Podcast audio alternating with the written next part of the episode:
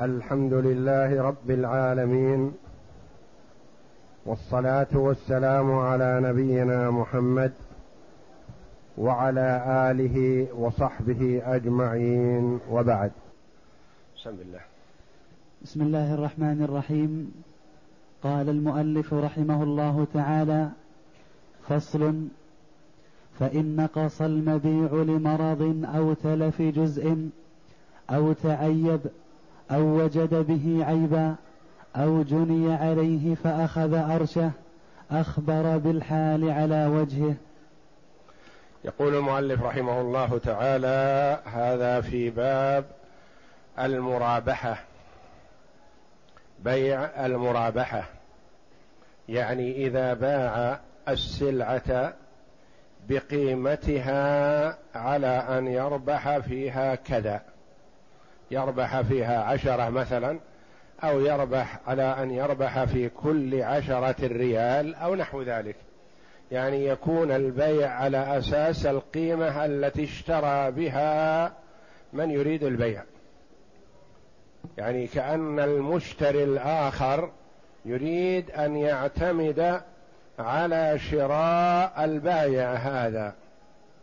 ما يريد أن يشتري هكذا وإنما يشتري بناء على شراء هذا البايع ويزيده مقابل شرائه أو عمله في هذا المبيع. فيقول المؤلف رحمه الله تعالى فإن نقص المبيع لمرض. مثلا اشترى دابة بمئة أصابها مرض عند المشتري هذا فأراد أن يبيعها مرابحة فإذا باعها وقال اشتريتها بمئة وأريد بها مكسب كذا لا بد أن يخبر. إذا حدث فيها مرض يقول اشتريتها بكذا. مثلا بمئة. فمرضت أو أصابها كذا. وأريد الربح فيها خمسة بالمئة. ولولا هذا المرض ما كفاني فيها عشرون بالمئة. لكن لوجود المرض يكفي خمسة بالمئة. لابد أن يخبر بالحقيقة. ما يقول أنا اشتريتها بمئة وأريد منك ربح خمسة فقط؟ يستقلها. المشتري الآخر ويقول شريت. ما يدري عن ما حدث. أو تلف أو تلف جزء أو تعيب أو وجد به عيبا أو جني عليه فأخذ أرشه كذلك إذا اشترى السلعة بمئة ثم هذه السلعة تلف فيها شيء. فما يجوز لمن أراد بيعها أن يقول اشتريتها بمئة ويكفيني منك مئة وخمسة ويسكت عن التلف. لا بد أن يخبر يقول اشتريتها بمئة وتأثرت بكذا وأريد منك مكسب خمسة بالمئة أو أقل أو أكثر. ولا يقول يكفيني فيها خمسة وأنا اشتريتها بمئة. ويجحد العيب أو التلف يبين الحقيقة. أو تعيب أو وجد به عيب مثله. وجد بها اشتراها بمئة. فوجد بها عيب عند صاحبها الأول العيب. فرجع إليه فقال له فيها عيب أردها يقول لا لا تردها. بدل المئة خلها بتسعين. نقص لك عشرة واقبلها قبلها. جاءه شخص يريد أن يشتريها منه بمكسب فما يجوز أن يقول اشتريتها بمئة على السعر الأول؟ ولا يجوز أن يقول اشتريتها بتسعين على السعر الأخير ويسكت؟ لا. يقول اشتريتها بمئة وحصل فيها كذا أو تبين لي فيها كذا فرجعت إلى البايع. فقلت له كذا ونزل لي كذا فهي الآن بتسعين. يوضح له الأمر جليا. ولا يقول اشتريتها بتسعين فقط حتى لو لم يذكر إلا ما استقر عليه السعر يبين ما الذي أوصلها إلى التسعين بدل المئة أنه العيب الذي فيها حصل. أو أخذ فيها أرش مثلا اشترى شيئا ما دابة أو سيارة أو غير ذلك. فتعدى عليها متعدي فأصابها بعيب. فأخذ من هذا المتعدي مقابل تعدي هذا. اشتراها بمئة فتعدى عليها متعدي فطالبه فأخذ منه عشرين. فأصبحت الآن بثمانين. ما يجوز له أن يقول هذه بمئة لأنه اشتراها في الأول بمئة. ولا يجوز له أن يقول هذه بثمانين لأن استقر السعر على ثمانين وإنما يخبر بالحقيقة. يقول هذه سيارة اشتريتها بمئة فصدمت. فأخذت من من صدمها مبلغ عشرين فهي الآن علي بثمانين. إن أردتها مرابحة بخمس وثمانين أنا أبيعها عليك. ولا يخفي الحقيقة بل يبين الأمر جليا والأطوار التي حصلت والتقلبات التي صارت حتى يكون المشتري على بينة من أمره. أو جني عليه فأخذ أرشه أخبر بالحال على وجهه. يقول اشتريتها بكذا ونزل لي كذا أو أخذت أرش كذا أو ثمن العيب هذا بكذا واستقر الثمن بكذا فإن أردتها مرابحة فأنا أريد منك ربحا فيها عشرة مثلا أو خمسة أو أقل أو أكثر. نعم. وقال أبو الخطاب يحط الأرش من الثمن ويخبر بما بقي فيقول تقوم علي بكذا. أبو الخطاب من أئمة الحنابلة رحمه الله يقول ما يحتاج أن يبين الأمر كله وإنما يقول إذا كان اشتراها بمئة وحصل فيها عيب أو أخذ أرش أو نحو ذلك أخذ عشرين. ما يقول اشتريتها بثمانين ولا يقول اشتريتها بمئة وإنما يقول تقومت علي بثمانين فإن أردتها تدفع لي ربحا كذا خذها يقول ما يلزم أن يبين الأطوار. والرواية الأولى يقول يكشف الأمر على حقيقته ولا يخفي شيئا. أبو الخطاب يقول ما دام لم يزد في القيمة ولم يكذب يقول تقومت علي بكذا. أنا اشتريتها بمئة مثلا وأخذت فيها ثمانين أرش العيب فاستقرت علي بثمانين. يقول هذه تقومت علي بثمانين. يقول والأول أولى. لما؟ لأن فيه إيضاح للحقيقة. كشف الأمر جلي. لأن المشتري إذا قلت له تقومت علي بثمانين ربما اغتر وأخذها. ولو قلت له اشتريتها بمئة ثم تبين فيها عيب فأخذت عن العيب عشرين فتقومت علي بثمانين. قال لا يا أخي أنا شيء فيه عيب ما أريده. أنا شيء فيه مرض ما أريده. أنا سيارة مصدومة ما أريدها يا أخي أنا أريد شيء نزيه نظيف. وهكذا. فالأولى أن يبين الحقيقة كما هي ولا يكذب ولا يموه. يقول تقومت علي بكذا. لأنه إذا قال تقومت علي بكذا ما كذب لكنه ما شك ما كشف الحقيقة كما هي ما وضحها والمشتري له ظروف قد يكون يريد أن يهديها مثلا ولا يهمه زيادة عشرة أو عشرين مثلا. فإذا كانت مصدومة السيارة ما يريد أن يهدي سيارة مصدومة ونحو ذلك وهكذا. فالأولى أن يبين الحقيقة كما هي فإن لم يشتري هذا اشترى غيره. فإن صدقا يعني البائع والمشتري يجعلان هذا الحديث نصب أعينهم دائما وأبدا. فإن صدقا وبينا بورك لهما في بيعهما. وإن كذبا وكتما محقت بركة بيعهما. فرق بين الأمرين. فيبين الأمر كما هي ولا يكذب ولا يموه ولا يدلس عليه. والأول والأول أولى لأنه أبعد من اللبس. والفرق بين الأرش والكسب أن الأرش عوض نقص ثمن فهو كثمن جزء بيع منه والكسب لم ينقص به المبيع.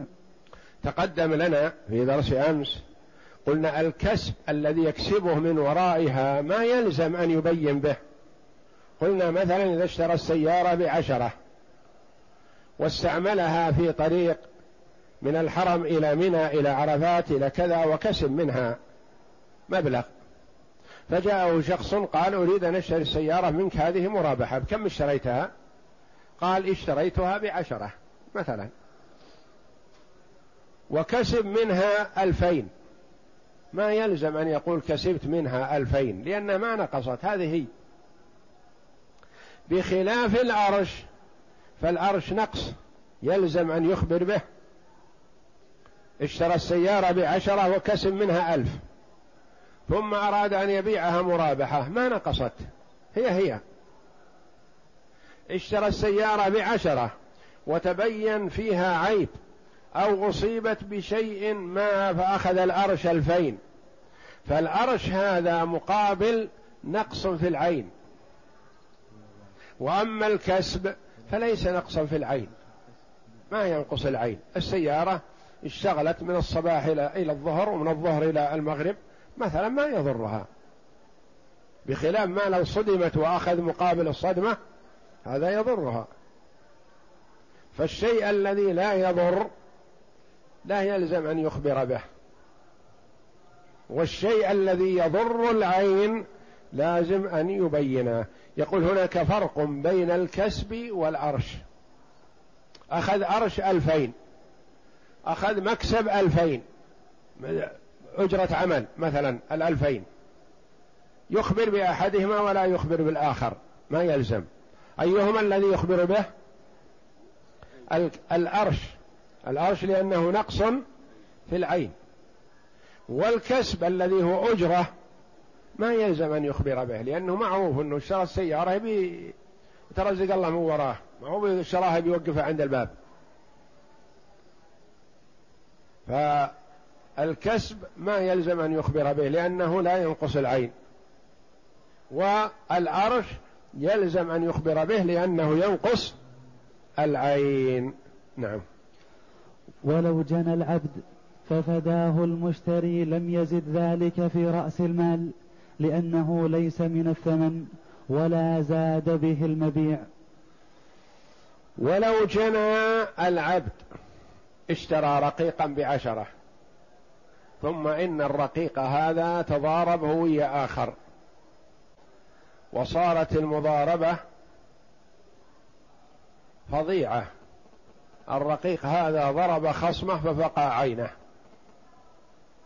فقومت العين بخمسين ألف.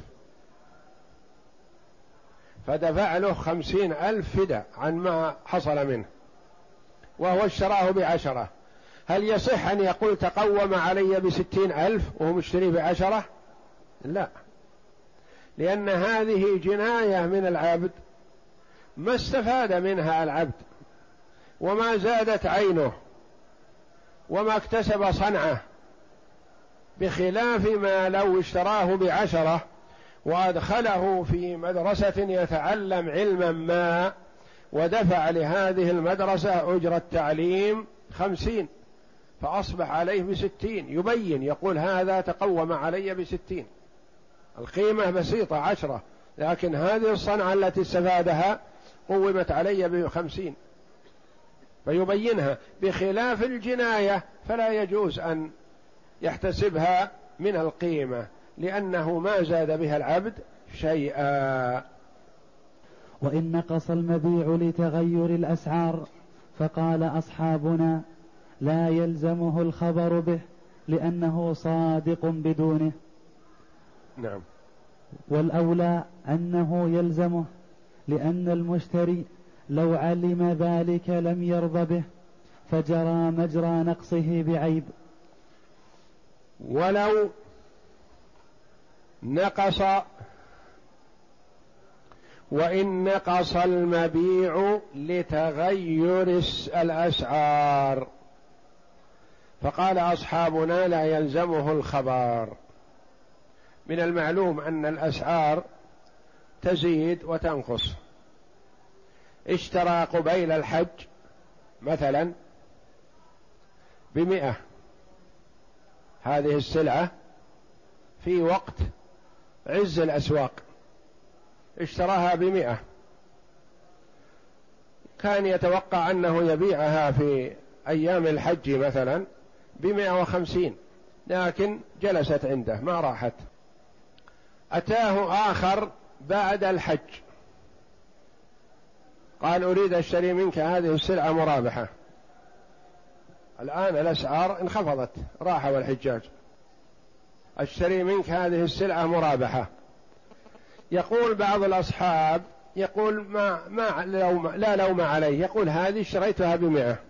كم تدفع لي ربح؟ قال أدفع لك خمسة. قال خذها. هو يتمنى أن تذهب أن تروح برأس المال لأن الموسم انتهى. قال بعض الأصحاب ما يلزم أن يخبر أنه مشتريها قبل الحج والآن الأسعار انخفضت؟ يقول أنا اشتريتها بمئة. بكم تدفع لي ربح؟ قال أدفع لك خمسة. قال نصيبك. يقول لا يلزمه الخبر به لأنه صادق بدونه. يعني هو صحيح مشتريها بمئة ما كذب. لكن فرق بين ما يشتريها في ذي القعدة مثلا بمئة أو يشتريها في عشرين ذي الحجة بمئة. في ذي القعدة يتحرى موسم الحج والأسعار مثلا تزيد. اشتراها بعد ما سافر والحجاج تكون أقل. والمشتري لا يدري ما سأله متى اشتريتها؟ وإلا لو سأله يجب أن يخبر لكن ما سأله. قال أريد أن أشتري منك هذه السلعة مرابحة. أعطيك فيها خمسة ربح. قال نصيبك. بعض الأصحاب يقولون ما يلزم أن يعطيه الحق يبين له أنه مشتريها قبل انخفاض الأسعار. والأولى أنه يلزمه. يقول الأولى وبراءة الذمة أنه يقول انتبه هذه أنا اشتريتها في ذي القعدة. أن الآن في آخر ذي الحجة.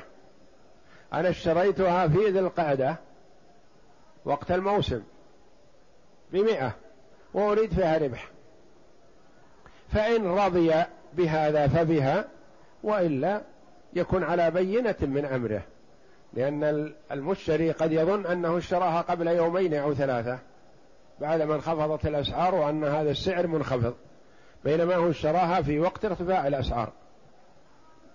ولولا أنه يلزمه لأن المشتري لو علم ذلك لم يرضى به. لو علم أنه مشتريها في ذي القعدة وقت ارتفاع الأسعار وتحسنها مثلا والآن انخفضت ما رضي. فالأولى أن يبين له الحقيقة. فجرى مجرى نقصه بعيب يعني لأنه اشتراها وقت ارتفاع الأسعار والآن انخفضت الأسعار فهو بمثابة كأنه حصل فيها عيب. انخفاض السعر عيب. نعم. وإن حط بعض رأس المال وأخبر بالباقي لم يجز لأنه كذب وتغيير وتغيير بالمشتري. هذا ما أراد أن يخبره أنه اشتريها وقت غلاء الأسعار. وإنما خفض من السعر هو نفسه. قال هذه السلعة أريد أن أشتريها منك مرابحة. بكم اشتريتها؟ قال اشتريتها بثمانين. وهو في الواقع مشتريها بمئة في ذي القعدة. لكن قال أنزل عشرين ويدفع لي خمسة مكسب وتكون الخسارة خمسة عشر بسيط. نقول لا يجوز هذا لما؟ لأنه كذب. قال اشتريتها بثمانين وهو مشتريها بمئة حتى وإن كان هذا الكذب عليه يعني نقصه لكن ما خبر بالحقيقة. ما صدق. فإن صدقا وبينا بورك لهما في بيعهما. وإن كذبا وكتما محقت بركة بيعهما. فالأولى للبايع أن يبين الحقيقة كما هي لا يموع على المشتري. يظن المشتري أنه اشتراها بهذا السعر مثلا فإذا هو مشتريها بخلاف ذلك يصدق معه. نعم. فصل. فإن اشترى اثنان شيئا وتقاسما فقال أحمد لا يبيع أحدهما مرابحة إلا أن يقول اشتريناه جماعة ثم تقاسمناه فصل. فإن اشترى اثنان شيئا وتقاسما. اشتروا ثياب أو طعام أو أواني أو أي شيء. ثم تقاسمه هو وصاحبه. هذا لي وهذا لك. وأنت نصيبك مثلا بمئة وأنا نصيبي بمئة. أو أنت بثمانين وأنا بمئة وعشرين. وهكذا هو صاحبه تقاسموا ودفع أحدهما الفرق للآخر مثلا. جاءه شخص يريد أن يشتري منه مرابحة. ما يجوز له أن يقول اشتريت هذا بثمانين؟ يعني نصيبه. أو اشتريته بمئة وعشرين؟ يعني نصيبه. أو اشتريته بمئة؟ يعني نصيبه. لا. يجب أن يقول اشتريته أنا وفلان بمئتين. وتقاسمنا وإياه. فصار نصيبي بثمانين ونصيبه بمائة وعشرين. أو صار نصيبي بمئة ونصيبه بمئة. أو صار نصيبي بمئة وعشرين ونصيبه بثمانين. لأنه يختلف الحال لأنها دخلت المقاسمة. والمقاسمة مبنية على التسامح بين الطرفين.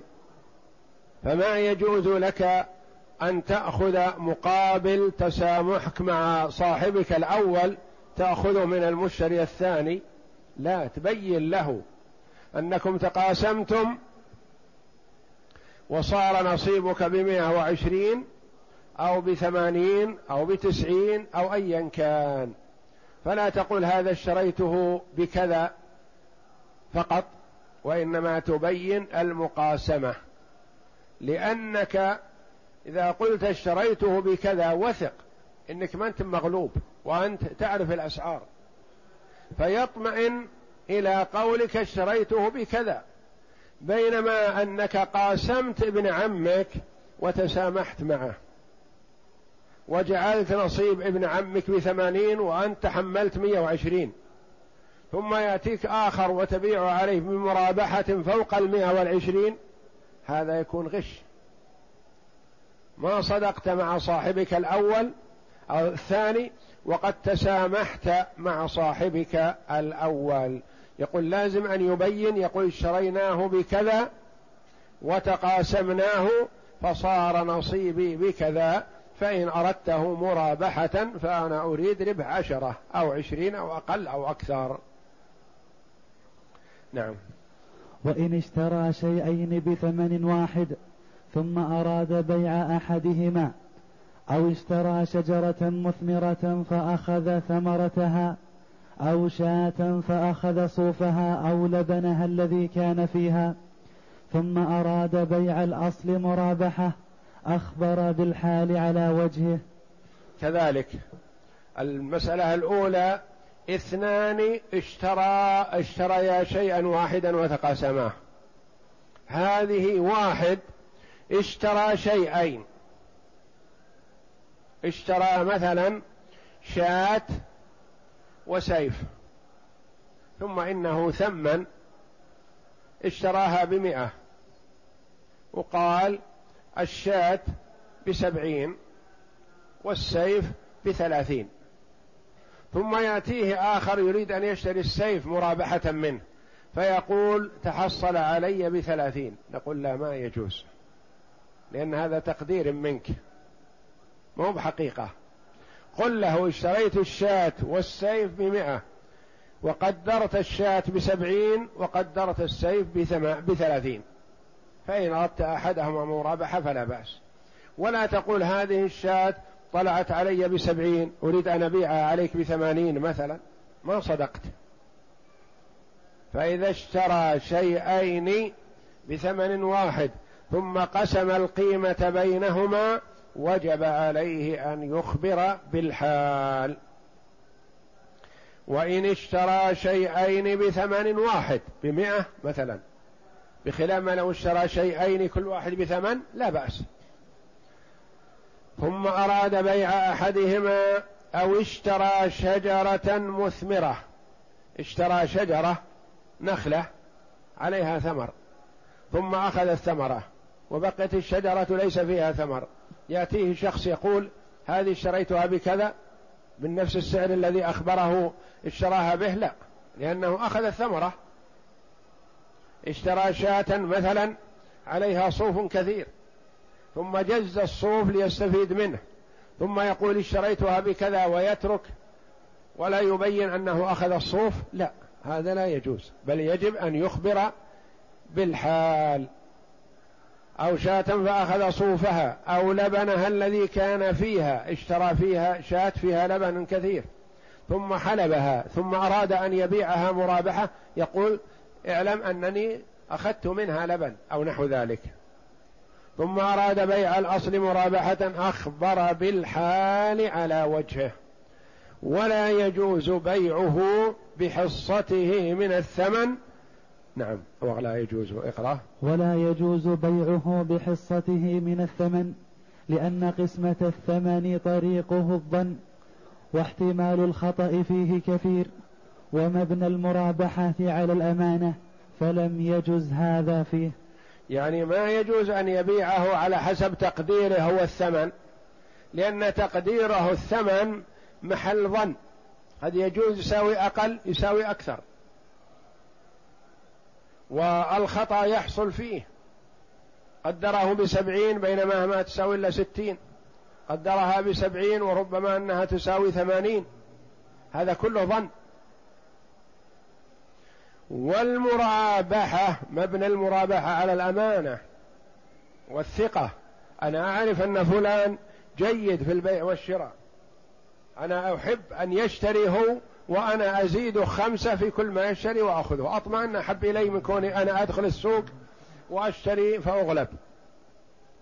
أنا لا أعرف الأسعار ولا أعرف الأسواق مثلا. لكن هذا الرجل جيد ويعرف الأسواق ويعرف الأسعار ويماكس. فأنا أحب أن آخذ منه مرابحة أدفع له ربح معين مقابل تعبه ولا أغلب. فالمرابحة يقول مبنية على الأمانة. مبناها على الأمانة. إني أنا واثق بهذا الرجل. واثق بأنه صادق وواثق بأنه لا يغلب. فأنا أطمئن إلى ما يشتري. وقد يجوز أنني مثلا بناء على ثقتي فيه أقول اذهب اشتري السلعة ذيك من هذا الرجل وتعال لمي أنا أشتريها منك مرابحة بكذا. أدفع لك زيادة خمسة. لأنه أنا بستفيد مثلا أكثر من الخمسة اللي يدفع له ربح. إذا اشتراه من لو اشتريت أنا. فالمرابحة مبنية على الأمانة. الائتمان والثقة بالرجل فليحذر الرجل أن يكون مؤتمنا ثم يخون. فلا يخن وأنا ائتمنته ووثقت فيه. نعم. فإن كان المبيع مما ينقسم الثمن عليه بالأجزاء كالمكيل والموزون من جنس جاز بيع بعضه بحصته من الثمن لأنه ينقسم على أجزائه وجزءه معلوم يقينا. هذه مشابهة للتي قبلها إلا أنها تختلف. هذه يجوز البيع بيعه بحصته. فإن كان المبيع مما ينقسم عليه الثمن ينقسم الثمن عليه بالأجزاء. كالمكيل والموزون مثلا والمعدود مثله. من جنس جاز بيع بعضه بحصته من الثمان مثلا جئت إلى زيد وقد اشترى صبرة من الطعام. كل صاع بريال. هي يمكنه مئة صاع أو أكثر. وأنا بخمسة آصع فقط. فقلت له أريد أشتري منك مرابحة. بكم اشتريت؟ وأريد أن أبيع عليك بريال وربع. هذا صح. ولا يلزم أن يقول إن اشتريت كثير أو اشتريت كل هذه الصبرة. أقول له بكم تبيع علي الصاع من هذا القمح؟ قال اشتريته بريال وأبيع عليك بريال وربع. هذا لا غرر فيه ولا جهالة لأن الثمن ينقسم عليه بالأجزاء. اشتريت منه ثوبا مثلا اشتراه مئة ثوب على عشرة فجئت له ومعه ثوب واحد منها. فقلت له أبشري منك هذا الثوب مرابحة. ما يلزم أن يقول أنا مشتري مئة أو مئتين ثوب. يقول هذا الثوب اشتريته بعشرة. وأريد منك ريالين على العشرة. مرابحة. لا بأس. لأنه ما يختلف.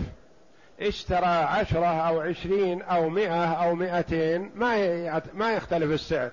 لأنه اشترى بالصاع أو اشترى بالكيلو أو اشترى بالعدد أو اشترى بالذرع كل واحد. ما يختلف ما دام أنها متساوية. مثلا اشترى أواني كثيرة مثلا وكل إناء مثلا بعشرة. فقلت له بكم اشتريت هذا الإناء؟ قال اشتريته بعشرة. فقلت له أدفع لك ربح ريالين. فوق العشرة؟ ولم يخبرني أنه اشترى مئة من هذه الأواني أو مئتين أو أقل أو أكثر ما يلزم لأنه أخبرني بسعر الوحدة وهذا هو المقصود. وإن أسلم في ثوبين بصفة واحدة ثمنا واحدا فأخذهما على الصفة فالقياس جواز بيع أحدهما بحصته من الثمن. لأن الثمن منقسم عليهما نصفين وما زاد على الصفة في أحدهما لم يقابله شيء من الثمن فجرى مجرى النماء الحادث بعد الشراء. وإن اشترى وإن أسلم في ثوبين بصفة واحدة ثمنا واحدا. معروف السلم كما تقدم لنا. هو تعجيل القيمة وتأخير المبيع. تعجيل القيمة وتأخير المبيع. واحد يريد أن يسافر ليستورد بضاعة مثلا ما عنده دراهم. جاء إلي يقول أنا أريد أن أستجلب بضاعة لكن ما عندي دراهم. أريد أن أبيع عليك مثلا كذا وكذا بالصفة لا بالعين. من معلوم العين ما يجوز بيع عين ليست عنده وإنما يريد أن يبيع بالصفة. يصف المبيع صفة ينضبط فيها ولا يعينه. يقول أبيع عليك سيارة مثلا ماركة كذا موديل كذا لونها كذا قوتها كذا يضبطها بالوصف وهي غير معينة يمكنها في ألمانيا أو في غيرها الآن. لكن معروفة السيارات مثلا. أو مثلا أبيع عليك كذا كرتون صابون كرتون قماش معروف ما يختلف. فباعه بالصفة سلم. اشترى ثوبين بالصفة. طولين من أطوال الثياب مثلا. اشتراها سلما بمئتي ريال. المشتري دفع المئتين والثياب ما جاءت إلى الآن. جاءت الثياب وسلمها للمشتري الذي اشترى بمئتين. هل يجوز لهذا المشتري بمئتين يقول الثوب هذا بمئة؟ اشتريته بمئة سلما؟ يجوز. لأن القيمة منقسمة على النوعين على حد سواء. ولا يلزم أن يقول أنا اشتريت ثوبين بمئتين فخرج لي كل ثوب بمئة. يقول هذا الثوب أنا اشتريته سلما. تعرف أنه بسعر رخيص. دافع القيمة قبل خمسة أشهر والآن توسل بالثوب. اشتريته بمئة. مثلا سلما. من المعلوم أن المشترى سلما يكون فيه رخص. يقول أعطيك فيه مكسب عشرة بالمئة. يقول لا ما يكفي. لأني أنا شاريه من زمان ودافع القيمة. عشرين ثلاثين أربعين يتفقون على خمسين مثلا مكسب. ما يلزم أن يقول اعلم بأنني اشتريت ثوبين وكل ثوب خرج لي بمئة. لا. يقول هذا الثوب اشتريته بمئة سلما. السلم السلم يعني اشتراه بمئة سلم ودفع المئة. بعد ستة أشهر جاب له الثوب. أراد أن يبيعه يقول اشتريته بكم؟ بمئة. وأريد فيه مئة وخمسين لأني مشتري سلم. ف فيكون صادق ولا يلزم أن يبين يقول إني اشتريت ثوبين هذا أحدهما والثوب الآخر عندي أو نحو ذلك. وإن أسلم في ثوبين بصفة واحدة يعني أن يكون الثياب شكلهن واحد. ثمنا واحدا فقسم عليهن الثمن. اشترى بمئتين مثلا فقسم الثمن على الثوبين. فأخذهما على الصفة فالقياس جواز بيع أحدهما بحصته من الثمن لأن الثمن منقسم عليهما نصفين لأن الثوبين مستويان. وما زاد على الصفة في أحدهما لم يقابله شيء من الثمن. يعني لو وجد أن في أحدهما زيادة مثلا أحدهما وجد فيه زيادة ولا باعه ما يلزم. إنما المهم أنه باع هذا الثوب الذي اشتراه بموجب الصفة السابقة. ما نقصت صفته وإنما الثوب الآخر قد يكون فيه زيادة فلا يؤثر لأن الزيادة التي في الثوب الآخر قال ليس لها مقابل من الثمن لأن الثمن مئتان لأن الثمن مئتان لهذا مئة ولهذا مئة سواء كان في أحدهما زيادة أو لم يكن فلا يؤثر. نعم. فصل فإن اشترى يكفي. لم يقابله شيء من الثمن فجرى مجرى النماء الحادث بعد الشراء. يعني لو كان الثوب الذي أبقاه لنفسه في زيادة فلا يؤثر هذا ولا يكون في غضاضة على الآخر لأن هذا الزيادة ليس لها مقابل من الثمن فهي بمثابة النماء والله أعلم وصلى الله وسلم وبارك على عبد ورسول نبينا محمد وعلى آله وصحبه أجمعين.